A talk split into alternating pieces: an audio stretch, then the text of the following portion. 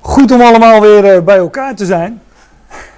Op deze stralende zondagmorgen. Ik uh, moet uh, deze samenkomst wel elke keer of naar links of naar rechts kijken, zie ik. Dus als ik recht voor me uitkijk, dan zie ik alleen.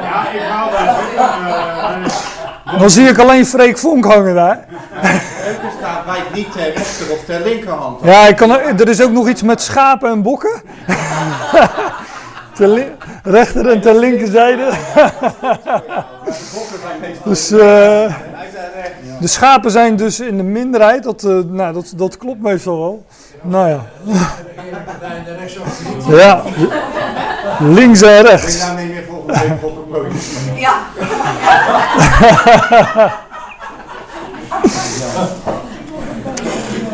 Ja, Dordrecht komen de schapenkoppen vandaan. Nou goed, ik. Uh, laten we ter zake komen of serieus gaan uh, zijn, of hoe je het ook wil zeggen. Deze ochtend wil ik een geschiedenis bespreken die, waarvan ik me niet kan voorstellen dat er iemand in ons midden zou zijn die deze geschiedenis niet kent. Dat is wel eens anders geweest. Hè? Uh, ik heb wel eens geschiedenis besproken. Die van Joas bijvoorbeeld pas geleden. Dan denk ik van nou, zou, zou iedereen die kennen. Maar deze die, uh, die kennen we wel. Um, ja, als je op de. Daar hoef je niet eens voor op de zondagschool geweest te zijn. Hè? Um, maar als je maar iets van de Bijbel hebt meegekregen, dan, dan ken je de geschiedenis van Kain en, en Abel natuurlijk. Helemaal in het begin van onze Bijbel, Genesis 4. Dus uh, ja, en ik, kijk, wat ik uh, wil doen uh, is de, de geschiedenis gewoon vers voor vers doornemen. Ik ga hem niet helemaal lezen van tevoren, dat, dat lijkt me niet nodig, want jullie kennen het verhaal toch wel. Um, en wat ik ook vooral deze morgen wil doen, maar dat zal niet verbazen, is wijzen op de diepere betekenis uh, achter deze geschiedenis. Want dat daar ook een diepere betekenis achter zit, dat, uh, dat hoeft ons niet te verbazen. Want uh, we, weten dat met, we weten dat dat met alle geschiedenissen zo is. En nou ja, Paulus die ehm, gebruikt vele malen Adam als, als voorbeeld, als type van Christus. En bijvoorbeeld in Efeze 5 ook over Adam en Eva als beeld van Christus en zijn lichaam. Nou, dan uh, zal deze geschiedenis, uh, daar kan je op uh, bedacht zijn, ook wel een diepere betekenis hebben. En ehm, nou, die betekenis gaan we wel zien. Die is ook niet zo moeilijk, maar toch, ehm, toch mooi en ook nuttig om daar eens naar te kijken, wat mij betreft. Genesis 4, vers 1, daar begin ik.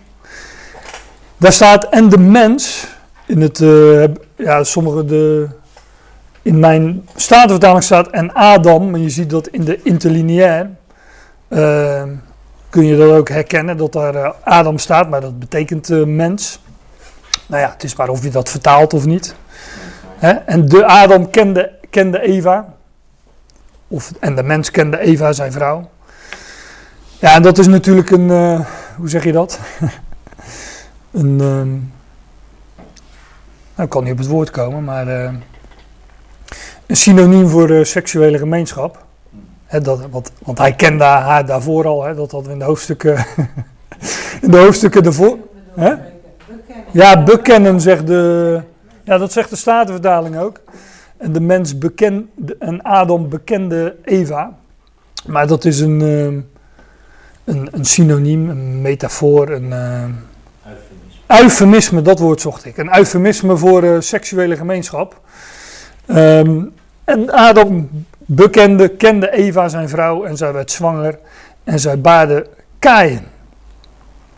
En zij zei, ik verwierf een man met Yahweh. En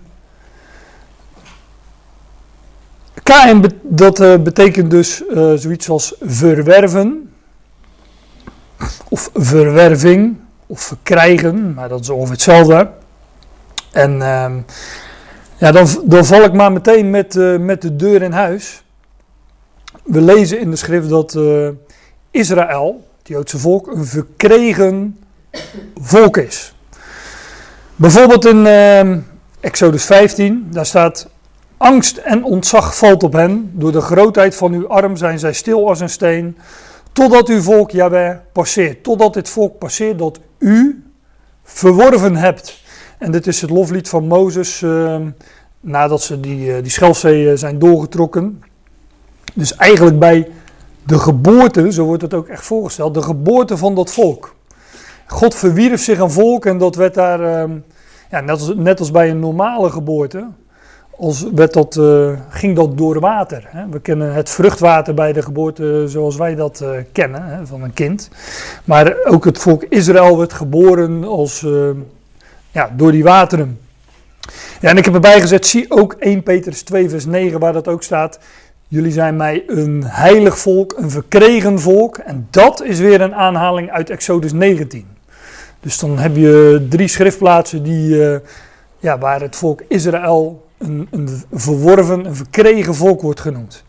Dus Kain is een beeld van, uh, van het Joodse volk. Maar zij ging verder met baren van zijn broeder Abel. Ik weet niet uh, of daar hoeveel tijd daartussen heeft gezeten. Als je, als je het zo achter elkaar leest, zou je zeggen het was een tweeling. En ja, als je de geschiedenis van Genesis kent, daar komen nogal tweelingen voor. Dus dat, uh, het zou me niet verbazen als dat zo was. Maar uh, ja, wellicht wordt er ook gewoon een stap in de tijd genomen. En de tijd daartussen overgeslagen wordt, wordt alleen het, het baren van, van de zonen hier benoemd. Dat zou ook kunnen, is mij om het even. Wat ik, ehm, oh ja, waar ik nog even op moet wijzen, er staat hier Abel. En in mijn staatvertaling staat Habel. En dat is trouwens ook zo met Eva, die heet in de Statenvertaling Heva. Of Geva of Gabel, dat hangt, hangt dan weer van je vertaling af. Maar die letter, uh, dat, is wel, dat is wel leuk, die, ja, die letter He, dat is natuurlijk een hele... Ja, dat is een hele aparte letter. Dat is de, de vijfde letter van het Hebreeuwse alfabet. En de vijf spreekt van genade, maar dus ook, zeg ik meteen bij, van verborgen dingen. Want um, ja, genade heeft van alles met verborgenheid te maken. Paulus, was de, uh, Paulus was de apostel die het evangelie van de genade van God bekend maakte. Maar hij is ook de, de, de, de, hij staat ook voor de verborgenheid. Dus die twee hebben alles met, met elkaar te maken. Dat, dat Christus nu zit op de troon der genade. Om even weer uh, terug te gaan naar, Hebreeën. Ja, dat, is dat, hij, dat is in zijn verborgen positie. Dus die, die, die letter H. Dat is ook een hele ra rare letter. Hè? Dus maar een. is eigenlijk een windvlaag. Heeft alles met de geest te maken, met onzienlijke dingen. Um, ja, en die, dat is ook leuk, die verdwijnt in heel veel talen. In mijn Statenvertaling staat hij er wel, maar hier staat hij niet. Dus waar is hij dan? Nou, die is verdwenen. En er zijn ook heel veel uh, mensen, wij, wij kunnen de H wel uitspreken, huh, maar er zijn heel veel talen waar ze dat niet eens kunnen. Dan zeggen ze meestal gabbel. Hè? Dan, gaan ze het, uh, dan gaan ze er maar een G van maken. Hè? Alleen wij toch? Ik, ja, misschien alleen wij. Of. Duitsers ook niet? Laat ze maar eens Scheveningen, Scheveningen zeggen. ja, wat haben sie gesagt? Ja, haben. Ja, de Duitsers kunnen het ook. Ik habe die gesehen, wat haben kleine Maar, maar, maar dat is. Uh, ik kom dat zo tegen en dan wil ik dat toch noemen. Maar uh, Zebulon noemde het voor van Abram, die werd Abraham. En Sarah, of Sarai werd Sarah. Die kregen er juist die H bij. Die kregen, en, en, en op het moment dat ze de belofte ontvingen. Dus die, die vijf, spreekt van genade, spreekt van belofte. Die kregen zij uh, erbij. Nou, hier valt hij weg. Dat is natuurlijk ook weer sprekend. Maar laten we even bij, bij de les blijven. Zij ging verder met het baren van zijn broer Abel. Wat betekent Abel?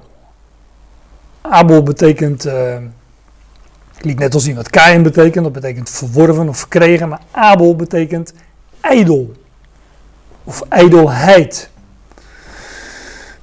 We hebben een boek in de Bijbel dat vangt zo aan.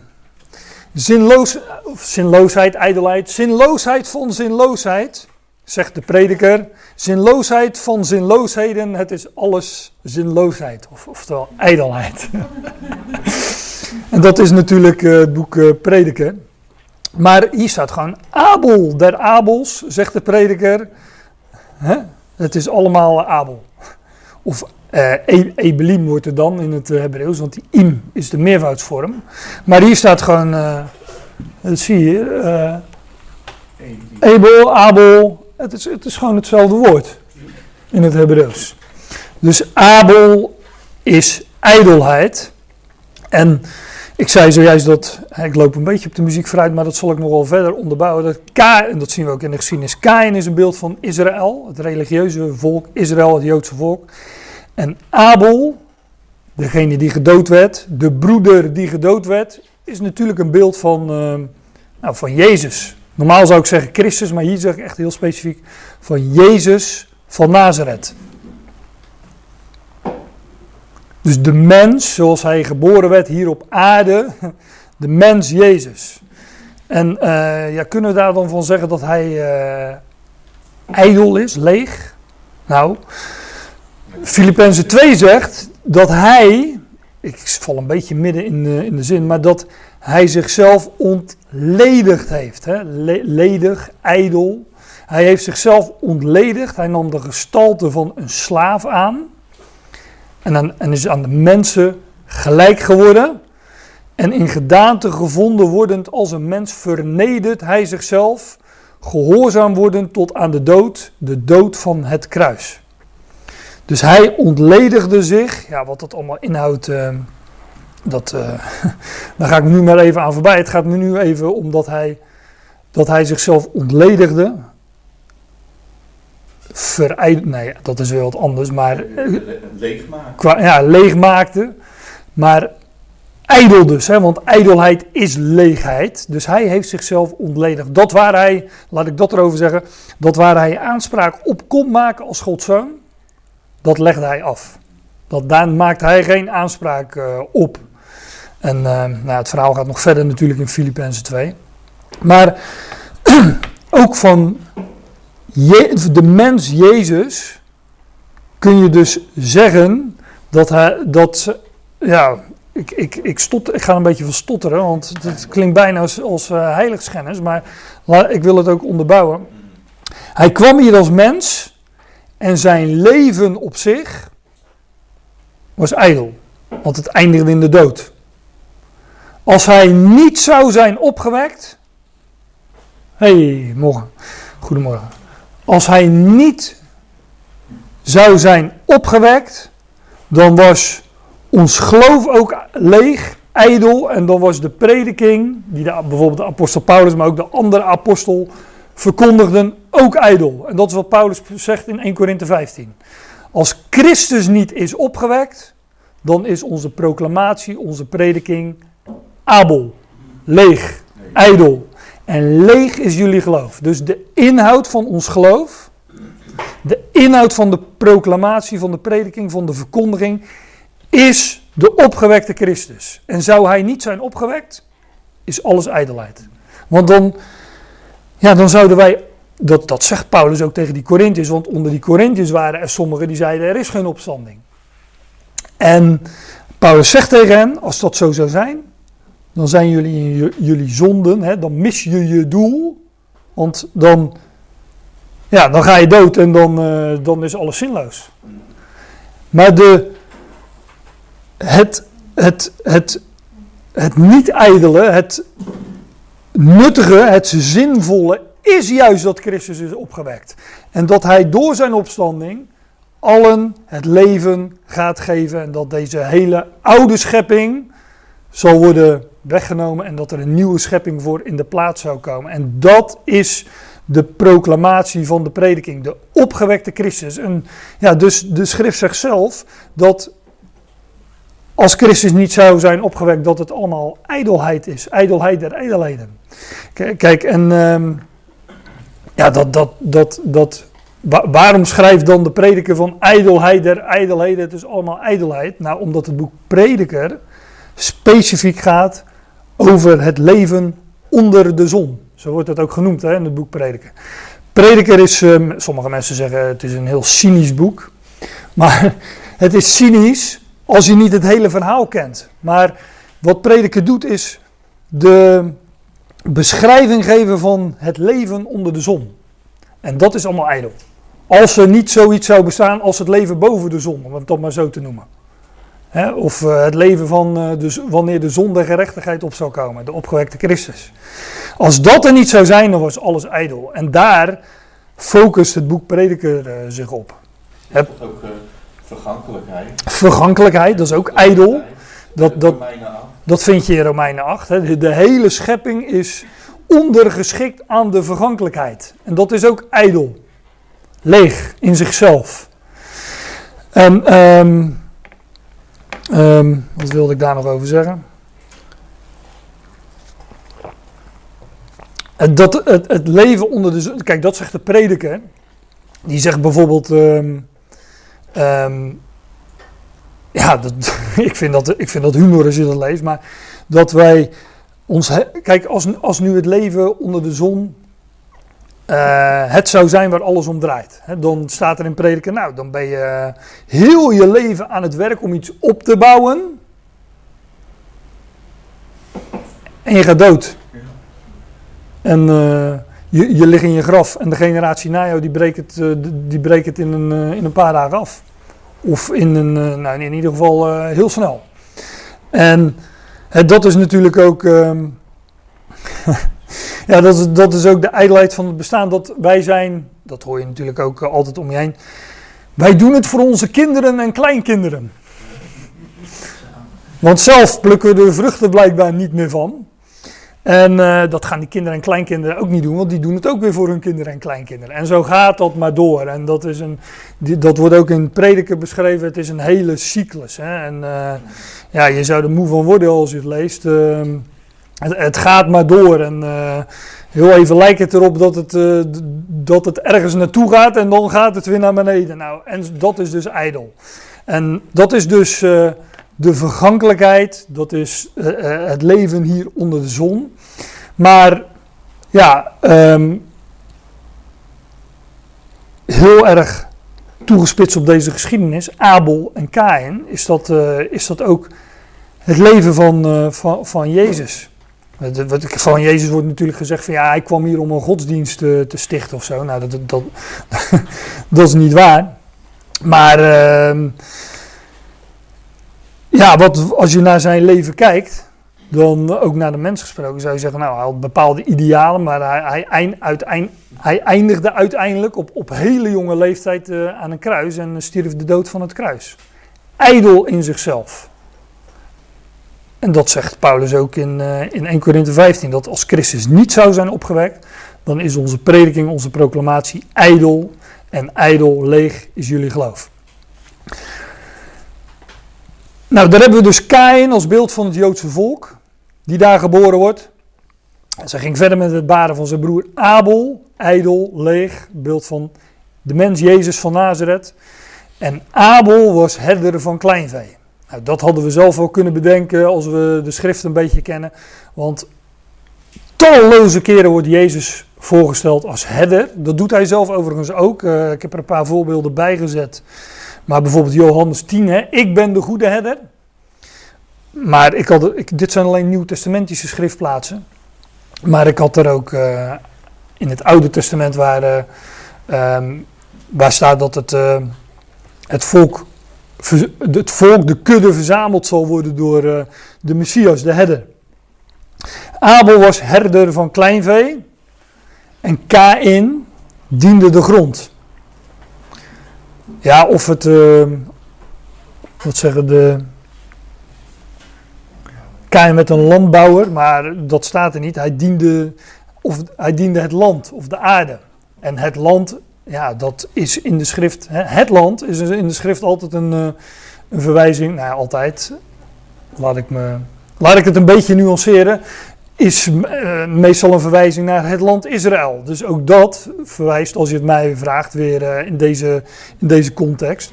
Naar dat, Abel, dat Kain een beeld is van Israël, van het Joodse volk. En het is aan het einde van dagen, enige dagen is dus het idee. En Kain brengt een offer aan Yahweh van de vrucht van de grond of van het land. En ik zeg er maar vast op voorhand, voorhand bij dat uh, later onder de wet heet dit uh, gewoon een, uh, een spijsoffer.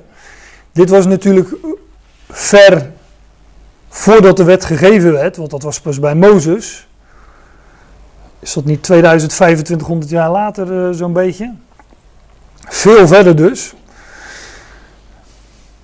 de eerstelingsschoof was ook een spijs, een voedseloffer, een offer van uh, de, de, de vrucht van het land. En dat zeg ik erbij, omdat, um, kijk, ja, dan loop ik weer op de geschiedenis vooruit, maar er waren er twee die een offer brachten, zowel Kain als Abel, en, en, en, God neemt het ene offer wel aan en het andere offer niet. En dan is altijd de vraag van, ja, waarom nam God nou het ene offer wel aan en het andere offer niet? En dan zegt men van, ja, um, Kain die bracht een offer van uh, de vruchten van het land en dat was niet goed, want je moet een dierlijk offer brengen. Nou, dat, want dat weten we helemaal niet, want ik heb daarover in de voorgaande hoofdstukken helemaal niets gelezen dat daar bepaalde voorschriften voor waren. Want dat kwam pas later onder de wet, maar ook onder de wet was dat niet zo. Dus het is, als je het mij vraagt, sowieso onzin om uh, dat zo te beredeneren. Dus, nou, ik lees verder. En Abel brengt ook van de eerstelingen. Komma, zou ik zeggen, van zijn kleinvee en van hun vet. Wat ze dus allebei deden, hè, dus begrijpend lezen dit, is allebei een offer brengen van de vrucht van de eerstelingen. De een van zijn oogst en de ander van zijn kudde. Toch? Hij brengt ook van de eerstelingen, staat er. Alleen Abel doet dat van zijn kleinvee en, uh, en van de vet. En Kain doet dat van de vrucht van het land. Beide offeren dus iets van hun arbeid. Nou, daar kan uh, op, op, zich niets mis mee wezen. Hè? Dat, en dat vind je later in de wet ook, dat dat uh, zo gebeurde. Dus dat onderscheid dat de een vruchten van het land offert en de ander een dierlijk offer, daar zit het dus niet in. Daar wil ik maar even op wijzen. Maar toch zie, zie je, en Jaweh slaat acht op Abel en zijn offer.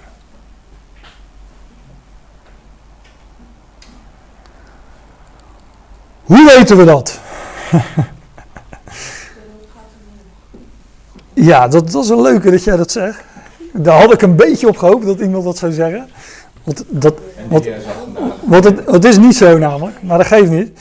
Um, want ik ken die plaatjes ook, hè, dat je dan zie je um, uh, twee offers, Kain en Abel. En de, en de, ene rook gaat omhoog en de andere die uh, kringelt zo naar beneden. Maar dat, uh, ook dit is een, een kwestie van, um, daarom doen we bijbelstudie, maar ook dit is een kwestie van gewoon de schrift laten antwoorden van hoe nam God een offer aan? Of hoe weten we dat God acht slaat op een offer? Hij accepteert het offer en neemt het tot zich daar, dan heb ik nog niet helemaal het antwoord gegeven natuurlijk. Hè. Maar uh, vergelijk 1 Koningen, ja ik zou er meer kunnen noemen. Dat doe, ik zo, doe ik zo ook nog wel. Maar vergelijk 1 Koningen 18 vers 38. Deze. Bam! Weten jullie die geschiedenis? Met Elia. Elia, Elia en de Baalpriesters. Daar werd, uh, ja dat is ook een mooie geschiedenis hoor, maar daar, daar, daar uh, Um, daar waren eerst de Baalpriesters aan de beurt om een offer te, te, te, brengen aan Baal. Ja, en Baal antwoordde niet. Hoe weten we dat Baal niet antwoordde? Nou, er gebeurde niks. En toen zei Elia van, nou, nu, uh, nu ben ik aan de beurt. En hij slachtte, dacht dat het een stier was. En er werd een gul gegraven rondom het altaar, die werd volgegoten met, met water. Uh, het altaar werd overspoeld met water. En um, Elia riep de naam van God aan, van Jahweh, en God antwoordde met vuur uit de hemel. En hij nam dat, ja, niet alleen het offer, maar ook het altaar tot zich. En alles was weg. Zo, neemt, uh, zo antwoordt God op een offer en zo laat God zien of hij een offer accepteert of niet. Als het ware ook door het op te eten, tot, tot zich te nemen. En uh, ja, die, nou ja, die geschiedenis van Elia, die, uh, die parkeren we. Het is wel een mooie geschiedenis, hè, dat uh, water, als je het mij vraagt, is dat, ik zeg het dan heel kort, is dat altaar een beeld van de Ecclesia, de gemeente. Hè. Wij hebben ook een altaar, zegt de Hebreeënbrief. En uh, dat werd met water overgoten, hè, het woord van God. En God neemt het geheel tot zich. Nou, daar zitten we nog een. Uh, nog enige tijd wachten. En, maar dat duurt niet lang meer voordat hij ons tot zich neemt. Laat ik het zo zeggen. Dan rukt hij ons weg. En ik, ik denk dat die geschiedenis daar een beeld van is. Maar misschien moeten we het daar uh, nog eens over hebben. Maar um, je leest ook, ik denk dat het bij de inwijding van de tempel is, dat God antwoordt met vuur uit de hemel, dat het offer tot zich neemt. En bij de, bij de tabernakel zal dat ook zo geweest zijn. En het is zelfs zo dat er op zeker moment door, ja, ik heb dat gisteren nog zitten lezen, maar ik ben die namen van die lui weer vergeten. Maar dat bepaalde figuren zelf vuur brachten op het altaar en dat is vreemd vuur. Dus dat vuur moest echt van God zijn. En zo, zo slaat God acht op offers. Zo accepteert hij offers, zo neemt hij offers aan. En dat, uh, ja, als ik schrift met schrift vergelijk, was dat voor Kain en Abel heel duidelijk. God accepteerde het offer van Abel en dat van Kain niet. Hoe deed hij dat? Nou, door het tot zich te nemen. En op Kain en zijn offer slaat hij dus geen acht.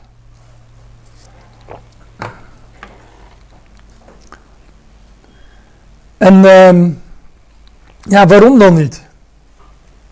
Nou, nogmaals, dat heeft dus niks te maken met dat hij de vruchten van zijn land offerde. Beide offerden de eerstelingen van hun arbeid. Niets mis mee. En uiterlijk gezien was er ook helemaal uh, geen verschil. Maar, maar, maar wat ziet God aan? Wat lezen we in de schrift? God ziet, God ziet de buitenkant niet aan. God, uh, bij God is er geen aanzienspersoon. God ziet het hart aan. Dus het moet gelegen hebben in de motieven, de raadslagen van het, van het hart. En als we in Judas, de brief van Judas, kort briefje, één hoofdstuk, in vers 11. Ja, ik kan, ik kan nu niet, ook al is het een kort briefje, ik kan nu niet heel die brief uh, naar voren brengen. Maar uh, dat gaan jullie natuurlijk thuis allemaal checken. Vanmiddag in de zon of uh, later deze week. Maar de brief van Judas is een brief geschreven. Hè? Juda, Juda, Juda, Judas is een brief van, van een Jood, maar ook ge, gericht aan het Joodse volk, aan de besnijdenis en aan een religieus volk dat de Messias heeft afgewezen. En die, die brief van Judas kondigt een oordeel aan over dat religieuze volk uh, Israël, over dat Joodse volk. En daar wordt van gezegd, bij hun, want zij gingen de weg van Kain in. Dus wat is de weg van Kain? Alleen als je, als je alleen de, de, de brief van Judas zou hebben, nou dat is religie. Zij eren mij met de lippen, maar hun hart is verre van mij. Dat is wat Kain deed. Hij eerde God, wel misschien wel met zijn lippen en door een offer te brengen, maar zijn hart was er niet bij. Wee hun, want zij gingen de weg van Kain in. Ja, dit heb ik dus al gezegd. Dus religieus, maar ongelovig. Of moet ik gewoon zeggen, religieus dus ongelovig. Want dat, dat, het heeft een schijn van godsvrucht, zegt Paulus weer in uh, de tweede Timotheusbrief, of de eerste. Het heeft een schijn van godsvrucht, maar uh, zij, uh, zij hebben de kracht daarvan verlogend. Vergelijk Lucas 11, vers 51. Ja, dat ben ik zelf weer even kwijt, wat daar staat. Maar dat heb je als je een paar dagen daarvoor je PowerPoint maakt. Ik word ook wel een dagje ouder natuurlijk, dus het korte termijn geheugen wil ook niet altijd meewerken. Maar die zoek ik gewoon even op. Want dan ben ik zelf wel nieuwsgierig van wat stond daar ook alweer.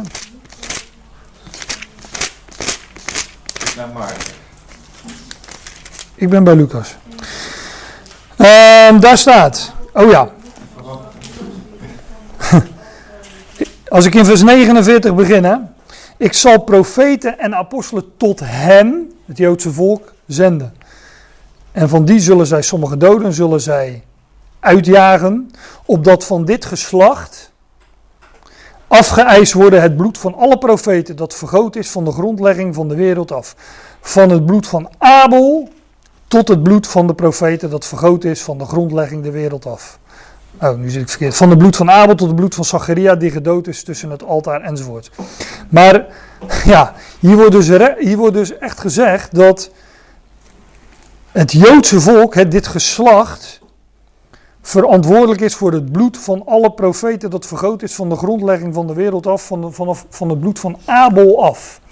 De eerste keer dat het bloed vergoten wordt in de Bijbel, Abel, dat wordt dat, ja, dat wordt dat Joodse volk als het ware toegerekend. Omdat zij, ja, omdat Kain het beeld is van dat Joodse volk. Dat, dat is de, ehm, ja, dat, dat, dat, dat, re- dat volk was religieus. Hè. Zij eren mij met de lippen, maar hun hart is verre van mij. En Kain is daar, ja, die was daar, ehm, om zo gezegd, eh, het prototype van. En ehm, in, in, in die zin hun stamvader. Dus Kain is een beeld van dat religieuze en ongelovige Joodse volk. En ehm, ja, dat offer van Kain wordt dus niet geaccepteerd. Wat je ook leest, ja, dat is ook de aanleiding hoe ik in, ehm, bij dit onderwerp terecht kwam. Want hadden we het niet over Hebreeën de laatste, aan- de laatste paar studies. Nou, daar was ik, ehm, ik was al eh, bezig met een studie over eh, Hebreeën 11. En toen, eh, nou, het eerste wat je daar ongeveer leest, is, eh, is over Abel. Toen dacht ik van ja, dat is ook wel een mooie geschiedenis om eens te bespreken. maar in Hebreeën 11 staat, in geloof biedt Abel aan God een meerder offer aan dan Kain. Waarom accepteerde God dus het offer van Abel? Nou, het was, dat staat hier gewoon, het was in geloof. Waarom accepteerde hij het offer van Kain niet? Nou, dat was dus niet in geloof. Ik heb met mijn kinderen vaak gesprekken over. Wat, wat eh, Jensie heeft altijd zoiets van. eh, eh, ik zat van de week eh, muziek te luisteren van YouTube. Geloven die ook in God? dat, is, dat is heel vaak de vraag die die stelt.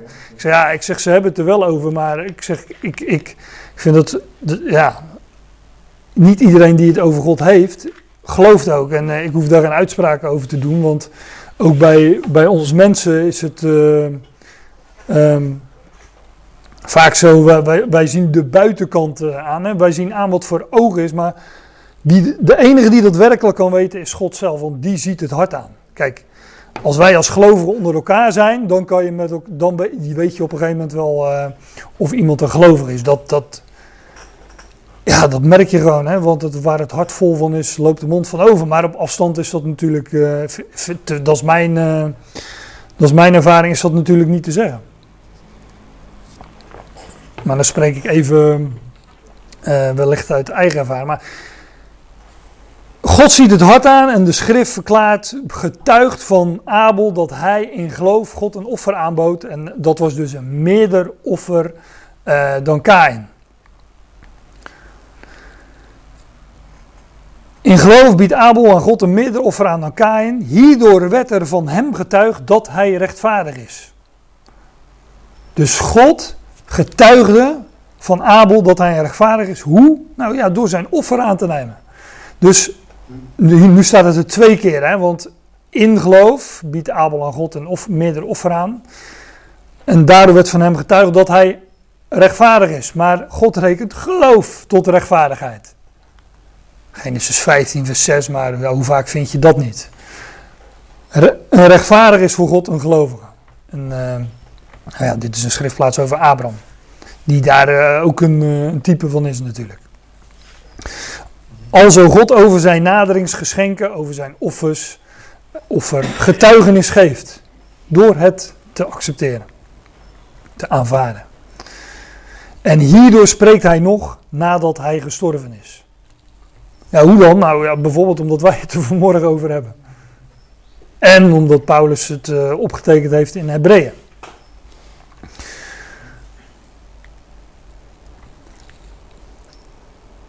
Oh, dat, uh, hier heb ik. Uh, Kain ontstak zeer. Hij werd zeer boos of ontstak zeer. Zijn gezicht verviel.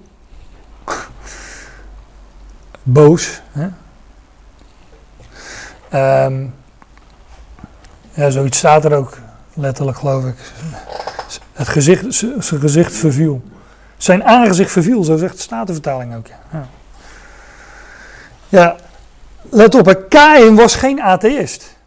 Lees ook hierna dat hij, met, uh, dat, dat, hij, dat hij communiceerde met God. Daarom zeg ik, um,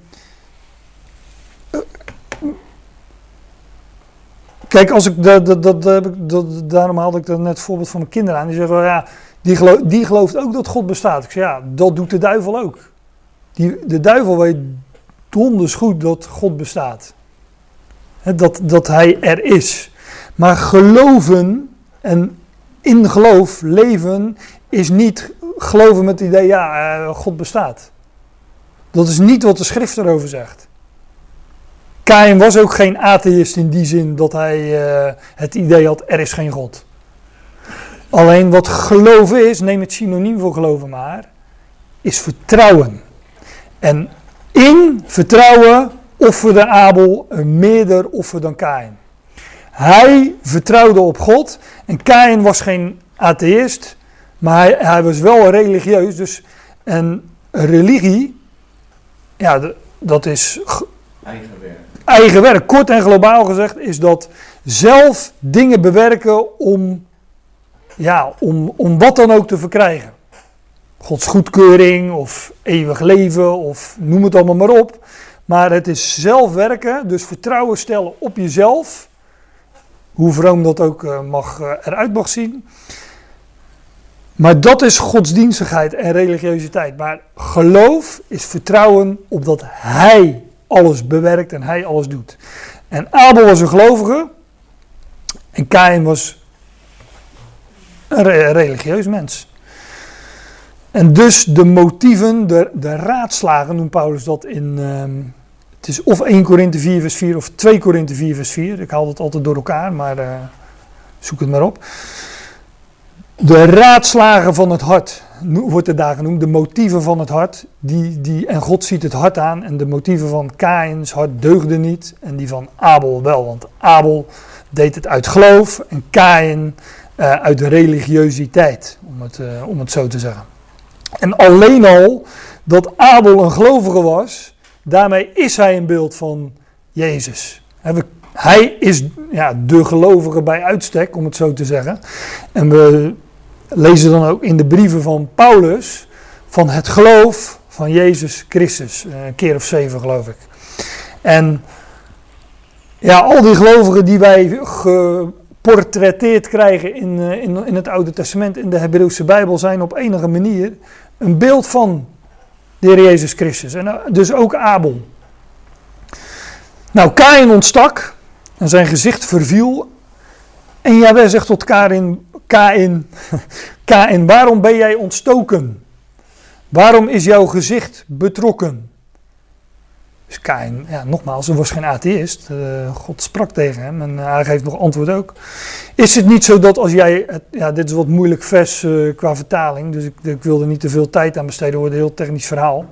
Is het niet zo als jij het goede doet, je kunt opheffen. Dus ik denk dat het idee is je gezicht weer kunt opheffen. Hè, want, want zijn gezicht was vervallen. Maar als jij niet het goede doet, ligt de zonde aan de deur. Naar jou gaat zijn begeerte uit, van de zonde dus. Kain, naar jou gaat zijn begeerte uit, maar jij heers over hem. Laat je niet beheersen door de zonde, maar heers over die zonde. En Kain zegt tot zijn broer Abel: Laten wij het veld ingaan. En het is toen zij in het veld waren dat Kain opstaat tegen zijn broer en hij doodt hem. Wij zouden zeggen moord met voorbedachte raden volgens mij. Als ik dit zo lees.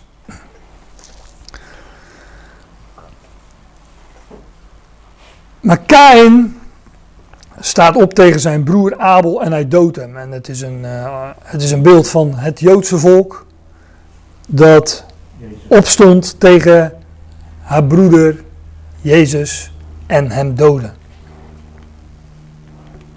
En ehm, ja, ook in breder verband. Hè, ik, ik zei zojuist van de Abel was een gelovige en hij is een beeld van Jezus, de gelovige bij uitstek.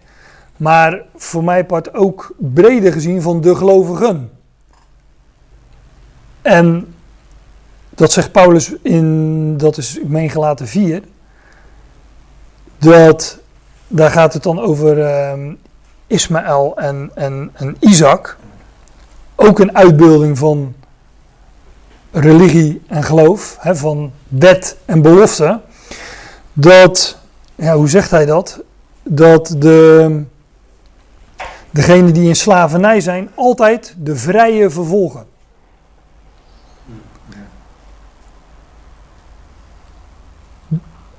Dus de vrijen, die, zij die vrij zijn, gelovigen, zullen altijd in meer of meerdere mate vervolgd, achtervolgd worden, ehm, eh, dwarsgezeten worden door religie.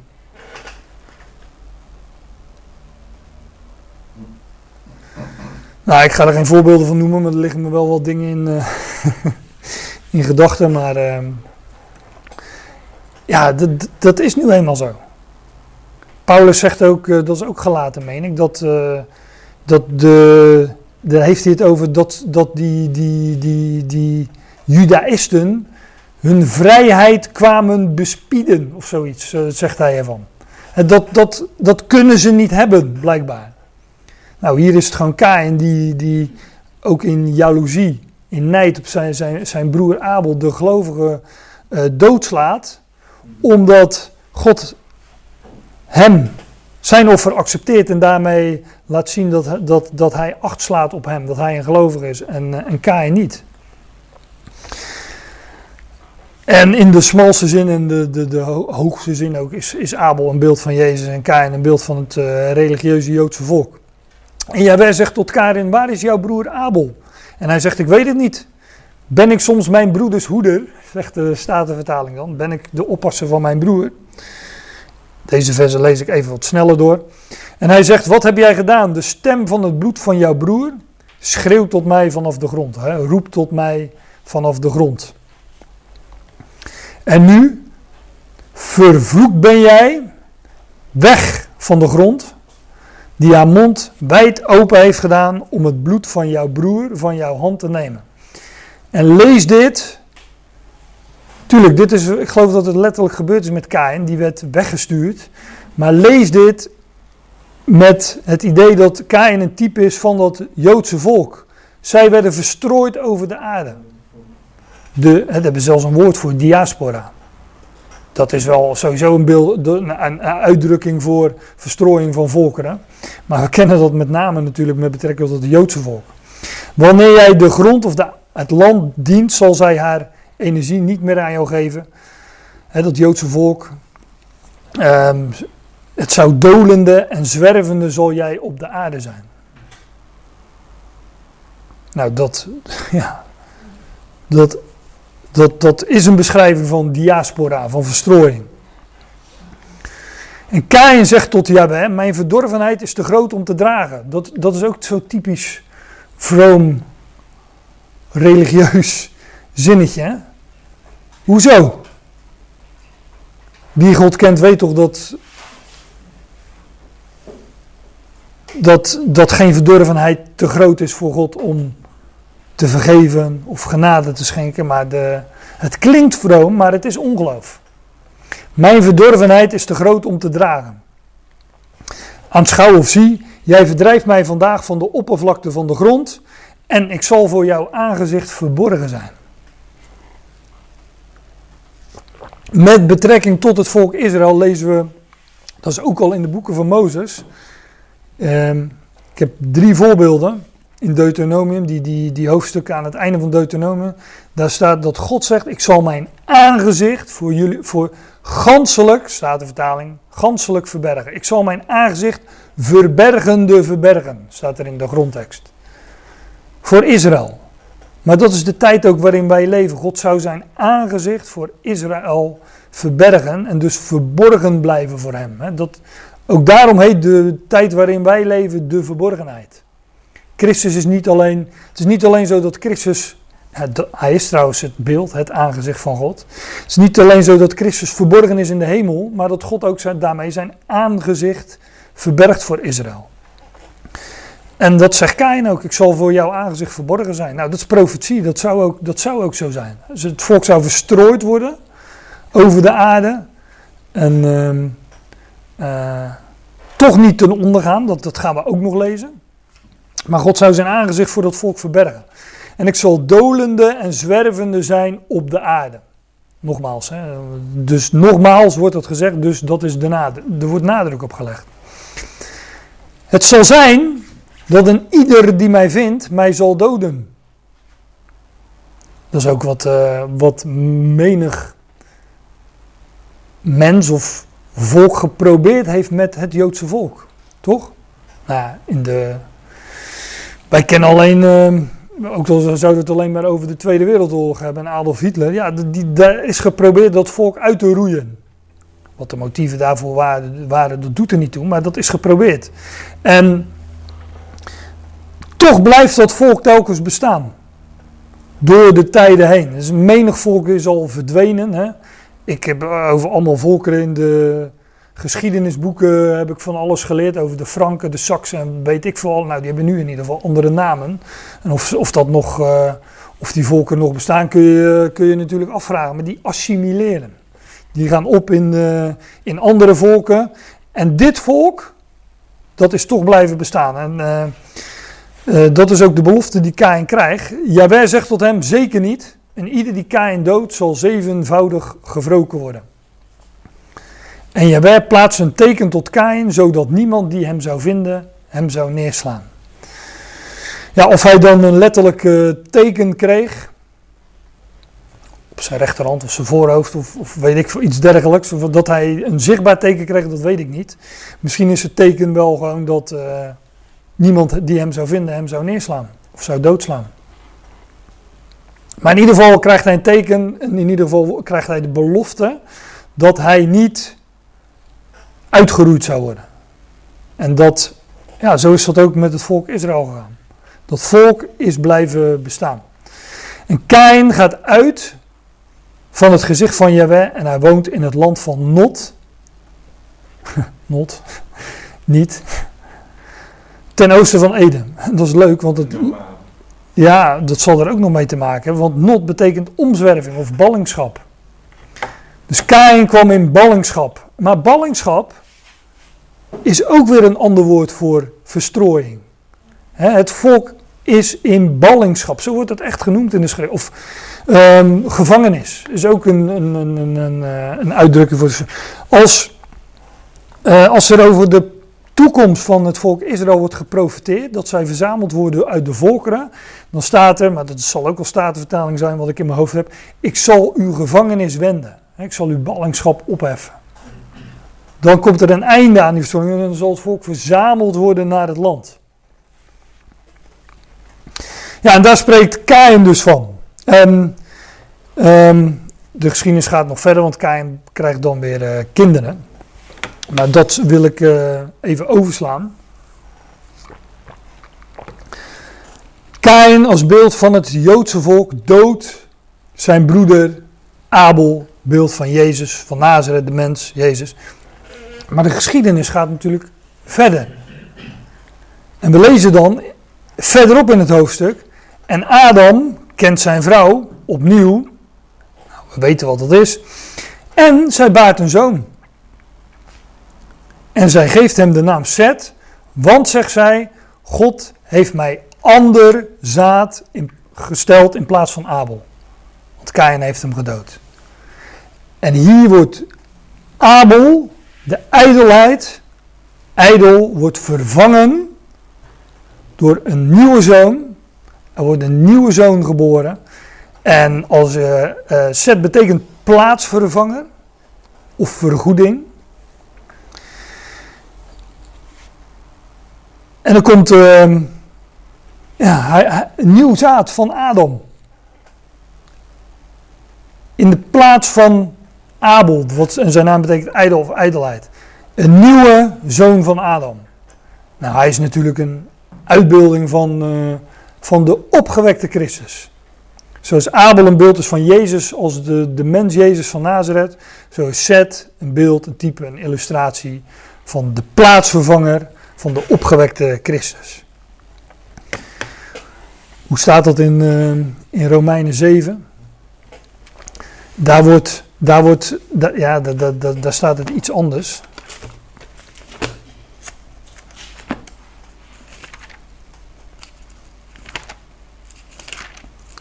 Maar daar wordt gesproken in Romeinen 7. Dat gaat ook over Israël. Daar, daar is het het beeld van het huwelijk. En daar is Israël de vrouw. En daar is ja, Yahweh, maar degene die zijn beeld is.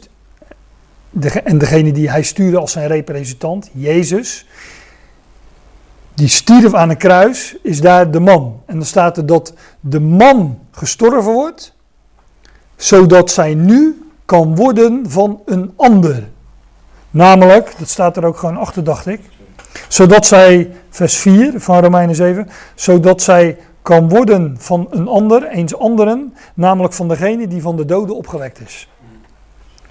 Dus dat is in zekere zin dezelfde, maar toch is het een ander. Het was Abel, maar nu is hij Seth. Daar spreekt het van. Het zaad, ja, het zaad van Adam is natuurlijk geen, volgens mij geen term die we in de Bijbel vinden.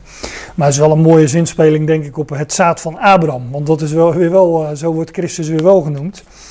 En natuurlijk wordt hij wel de zoon, eh, de zoon des mensen, de zoon van Adam, de laatste Adam genoemd. Nou, daar. Uh, ga ik het ongeveer bij laten. Nog één schriftplaats uit Hebreeën. Want kijk, het is zo leuk als je zo'n geschiedenis gaat bespreken. Dan, dan zoek je die namen van Kain en, en Abel, die zoek je gewoon eens op in de schrift. En dan kom, kom je dan toch vaker tegen dan dat je zou denken. Dus um, in Hebreeën ook weer, hè, daar, uh, daar staat, ik val midden in de zin. En tot Jezus, de bemiddelaar, de middelaar van de nieuw verbond en tot het bloed van de besprenkeling dat beter spreekt dan Abel. Dus Abels bloed vloeide, maar dat is een beeld van bloed van besprenking, dat bloed dat vloeide, dat beter spreekt dan Abel. Namelijk het bloed van het kruis. En ja, lees dit gedeelte maar na. Ik, het, ik, eh, dat, dat, dat voerde mij te ver om. Uh, ik wil nu eens echt binnen mijn tijd eindigen. Maar Abels offer was meerder dan dat van Kain. Maar hier in dit gedeelte in Hebreeën wordt uitgelegd dat Christus offer beter is dan dat van Abel. En ja, daarmee wordt natuurlijk ook weer impliciet gezegd dat Abel een beeld is van Christus, of beter gezegd van, uh, van Jezus. Nou goed, zoek dat allemaal maar eens na. Uh, uh, dan kan ik altijd aanraden om gewoon met een concordantie die woorden eens op te zoeken van ja, wat, wat, vinden we nu over Kain en wat vinden we. Dat heb ik dus een beetje, daar ben ik jullie een beetje in voorgegaan. Hè? Ook uh, zo'n zo schriftplaats als in Judas, ja, werpt toch veel licht op wat Kain nu precies illustreert, uitbeeldt, als, je, als we dat nog niet wisten. Dus dat, uh, ja, en alles bij elkaar, dan kan het je niet ontgaan lijkt mij, maar dat is aan jullie om dat te checken en te beamen of deze dingen al zo zijn. Ja, hier wil ik het dus bij laten. En, uh, ook in 2 Korinthe 3 nog die verhulling, hè? Ook Mozes week. Ja, die verhulling nog over. ook nog, ja. ja. Laat ik afsluiten met woorden uit Hebreeën, het einde van Hebreeën. Nu, de God van de vrede, die onze Heer Jezus, de grote herder van de schapen, Abel was een herder van schapen, maar dit is de grote herder van de schapen, waarmee je, ja dat zeg ik er dan maar bij, kan ik niet laten, waar je met, mee meteen weet dat al die herders in de schrift een beeld zijn van hem. Want hij is de grote herder, meerdere herder, betere herder. Nu de God van de vrede, die onze Heer Jezus, de grote herder van de schapen, door het bloed van een Ionisch verbond, eeuwig verbond, omhoog leidt vanuit de doden, hè, hij is opgewekt vanuit de doden, mogen hij jullie in alle goed werk toebereiden om zijn wil te doen. En we weten nu wat, we hebben nu zo'n geschiedenis gezien van twee werken, hè, religieuze werken en werken in geloof. Nou, wat zijn de goede werken? De werken van Abel, in geloof. Daar geeft God getuigenis van. En al het andere, dat, zal, ehm, dat zegt de schrift ook, dat, daar mogen we ook blij mee zijn. Hè? ook onze werken en onze godsdienstigheid en onze religiositeit zal weggedaan worden als door vuur, zegt Paulus in 1 Korinthe 3. Wordt gewoon, is weg. En wat overblijft zijn goud, zilver en kostbare stenen. Mogen hij jullie in alle goed, goed werk voor toebereiden. Om zijn wil te doen. Die in ons, die, en hij, dat is, hij doet het, die in ons doet wat voor zijn ogen welgevallig is. Door Jezus Christus. Hem zij de heerlijkheid tot in de ionen van de ionen. Amen. Amen.